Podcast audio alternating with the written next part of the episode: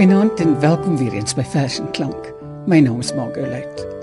Dit gebeur nie dikwels dat ek 'n bundel optel en dit begin lees en agterkom dat ek elke vers kan of wil gebruik vir Vers en Klank nie. Met Hilda Smit se debuutbundel Die bome reusagtig groot soos ons was van Protea was dit egter so. Dit het my van die eerste vers af vasgegryp en op 'n surrealistiese reis weggevoer.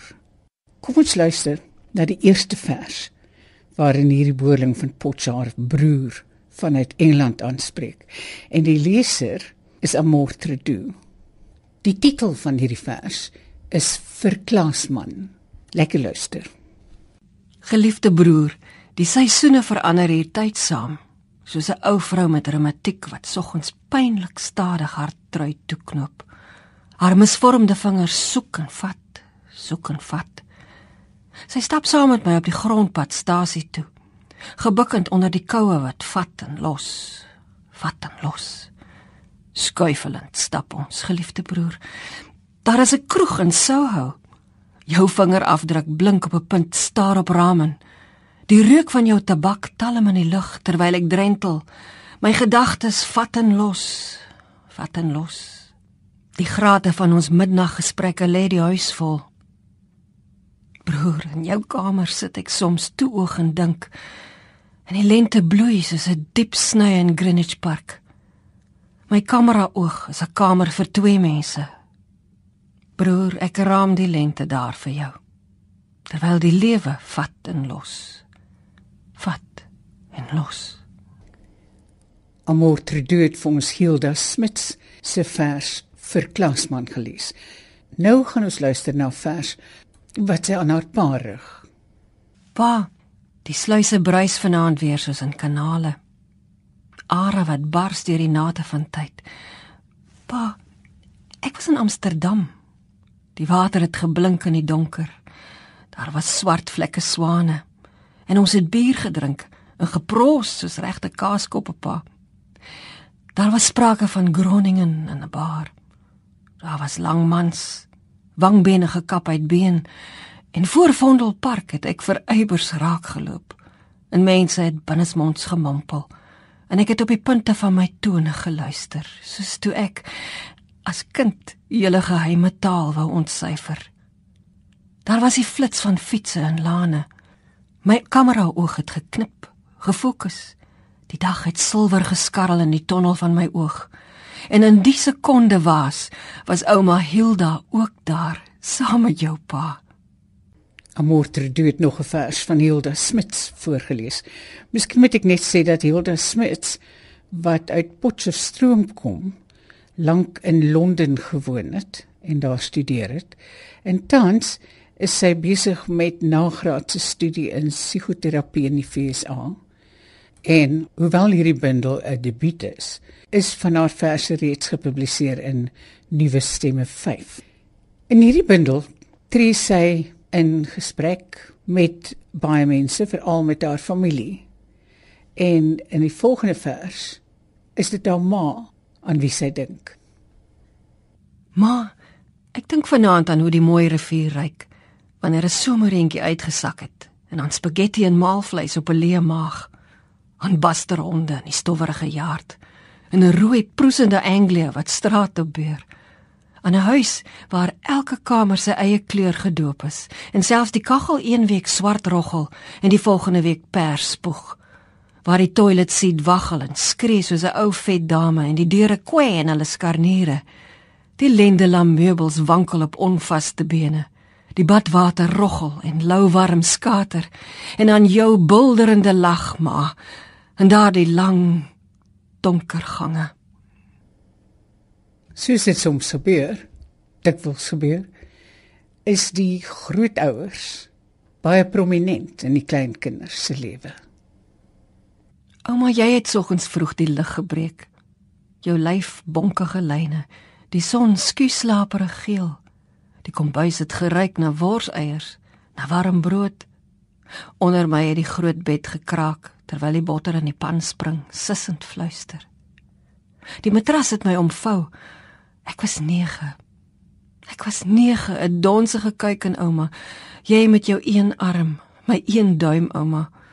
Het die kombuis laat sing. 'n Musikant van potte. Die ketel fluit ouma, die ketel fluit ouma. En jy breek die dag ouma, jy breek die dag in die grond. Dis daar 6 voet onder. En ek is jammer dat ek die musiek vergeet het ouma. Jou bonkige lyf, jou een duim hand. 'n Musikant breek jy die dag oop soos 'n eier ouma breek.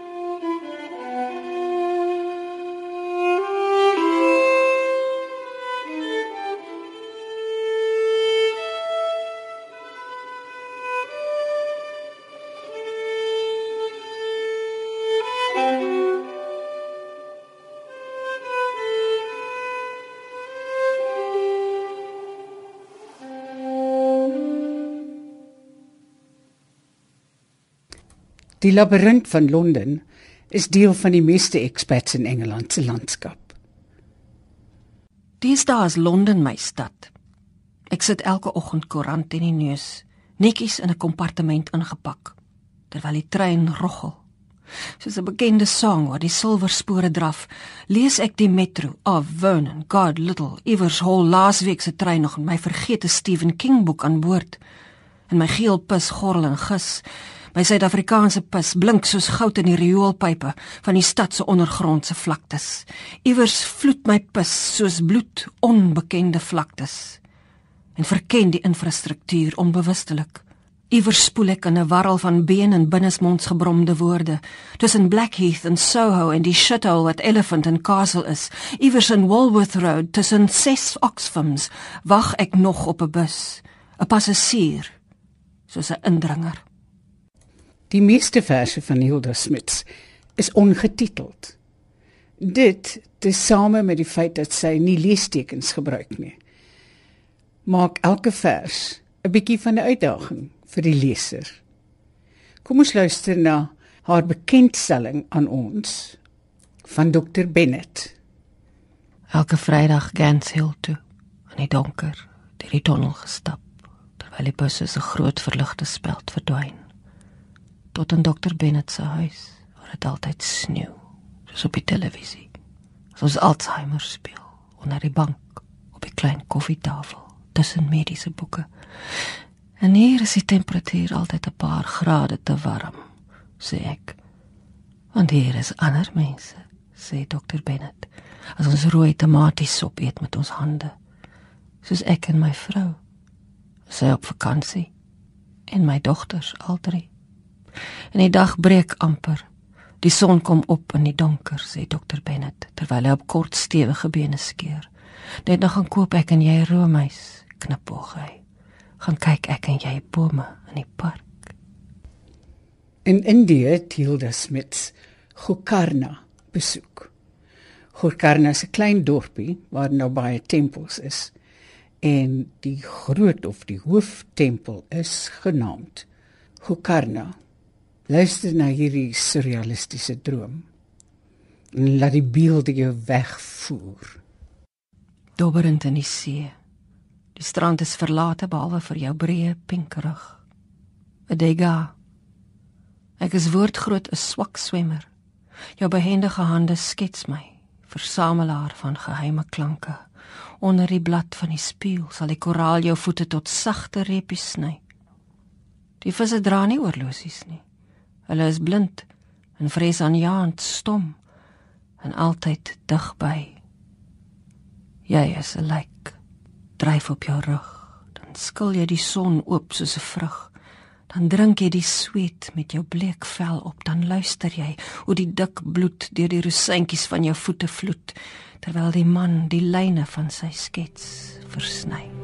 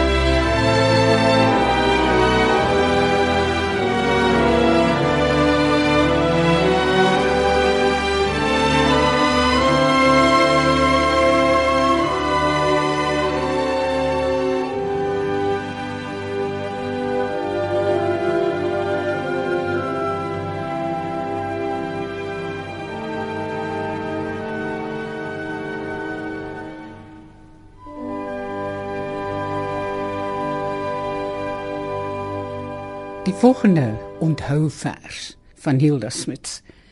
Laat my wonder of PG Du Plessis dit gesien het. Dit voel vir my so in sy toonaard. Onthou julle die Zephyr met sy reuse sitplekke sonder safety belts? Die Zephyr sonder remme en kasteroliebottels wat soos juwele in die geel son glinster. Die geroeste graaf wat spit en delf in sy eie rou wond in die droë grond. Reismuurbult en ons heeldag in die bakkende son in die ou plaashuis wat so swaar sug tussen sy eie mure. Die vier winde loei soos geeste die vensters in duisend stikkende skerwe, so sproeiers teen die wit lig. Onthou julle die berge by Venterskroon, soos 'n geëelte hand uitgestrek. Ons in die modder en die sinkpad en die bome en in die riviere en tussen die grafte en in die huise en op die highway met die lamppale wat verby flits flits flits. Onthou julle Die beeld wat die volgende vers oproep, herinner aan 'n Italiaanse rolprent. Een keer verdwaal. Ek was 6. Julle almal lawaaierig huis toe. Maar ek het op die swaai bly sit om te dink. Later het die parke geheime taal begin praat. Die lug geluidloos soos deur Masa sif geval. Die gras stil geword, soos as stemme ophou praat, soos as mense jou ore moet prik. Skemmer. Toe staan ek op, want alles was anders. Toe stap ek verkeerd om, op in die pad, verby die huise van vreemdelinge. Slaphang heininge, tuindwerke, ou korwette blokke sonder binnegoed. En al die tyd die lig wat opraak. Vermaag gesien. Dit was 'n groot wit mot sproei sy die gras in blink strale. En julle en die sproeier hol kalbas oor die gras en ma met haar rooi lipstifie en 'n groot lag wat sê: "Versie kind, ek het gewonder waar jy was." In die volgende droom besoek Smits Berlyn. Vir Ben. In Berlyn het ek in die luidrugtige pool in onderklere bier gedrink met sigarette kringe soos narre probeer blaas simpel grappies gemaak en onder in die straat het geruislose Duitse motors met engines van blare oor die teer gesuis sodat die wind lewendig in my vasgewaai soos 'n kewer in my hare verstrengel het die volgende dag kilometers gestap na 'n groen park waar vet eende aan die brood van ons tone geknibbel het lustig bier gedrink soos konings.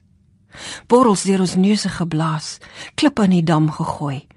Die sirkels het konsentries om my gekring soos jou handskrif op die bodem in die diep groen sluk het ek 'n woord gehoor. En toe die wind. En toe jou stem.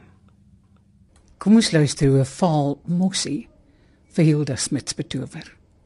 Mossie onder 'n tafel gesien hop hop. Groot soos die hart van 'n muur en net so donsig. Bo die tafel breek die helder stemme van vroue messe glas. Ek wil my hand oor jou vou soos 'n brug die punte van my vingers een vir een teen jou benerige ribbes hou. Daar waar die asem 'n poel groen water is. My oor stetoskoop teen die klein dreun van jou bonsende borskas druk waar die bloed in strome klop. Soos deur 'n ou jukebox skud wou ek silwerrand in die hand vra om die musiek van jou klein liggaam te hoor en om weer klein te wees soos onskuld en dit nie te weet nie Ons luister na verse van Hilda Smits uit haar debuutbundel met die titel Die bome reusagtig soos ons was wat by Protea verskyn het. Ons gaan afsluit met 'n gedig, soos ek sê die meeste van hierdie gedigte het geen titel nie en is herinneringe wat haar omarm. By Boskopdam, ek was 10, het iemand, seker 'n man met groot harige hande, bloekombome in die nag afgesaag met 'n lang, lang blink lem ry ons rooi engele daar verby. En ek sien hoe die wind ontsnap uit reuse longe van papier en hoe honderde bloekomharte oor die donker aarde bloei en die gekraakte ronde magies van voeleiers in 'n geel rivier oor die grond vloei. En teen die ruit die begrafnisstoet van ons agt stil asems in 'n ry. Toe tel ek die bosse siel veilig op met die huiskraan van my kop. En bære haar daar vir later se skryf vir later wanneer pa sal sê magtig as ek dit alles laat ry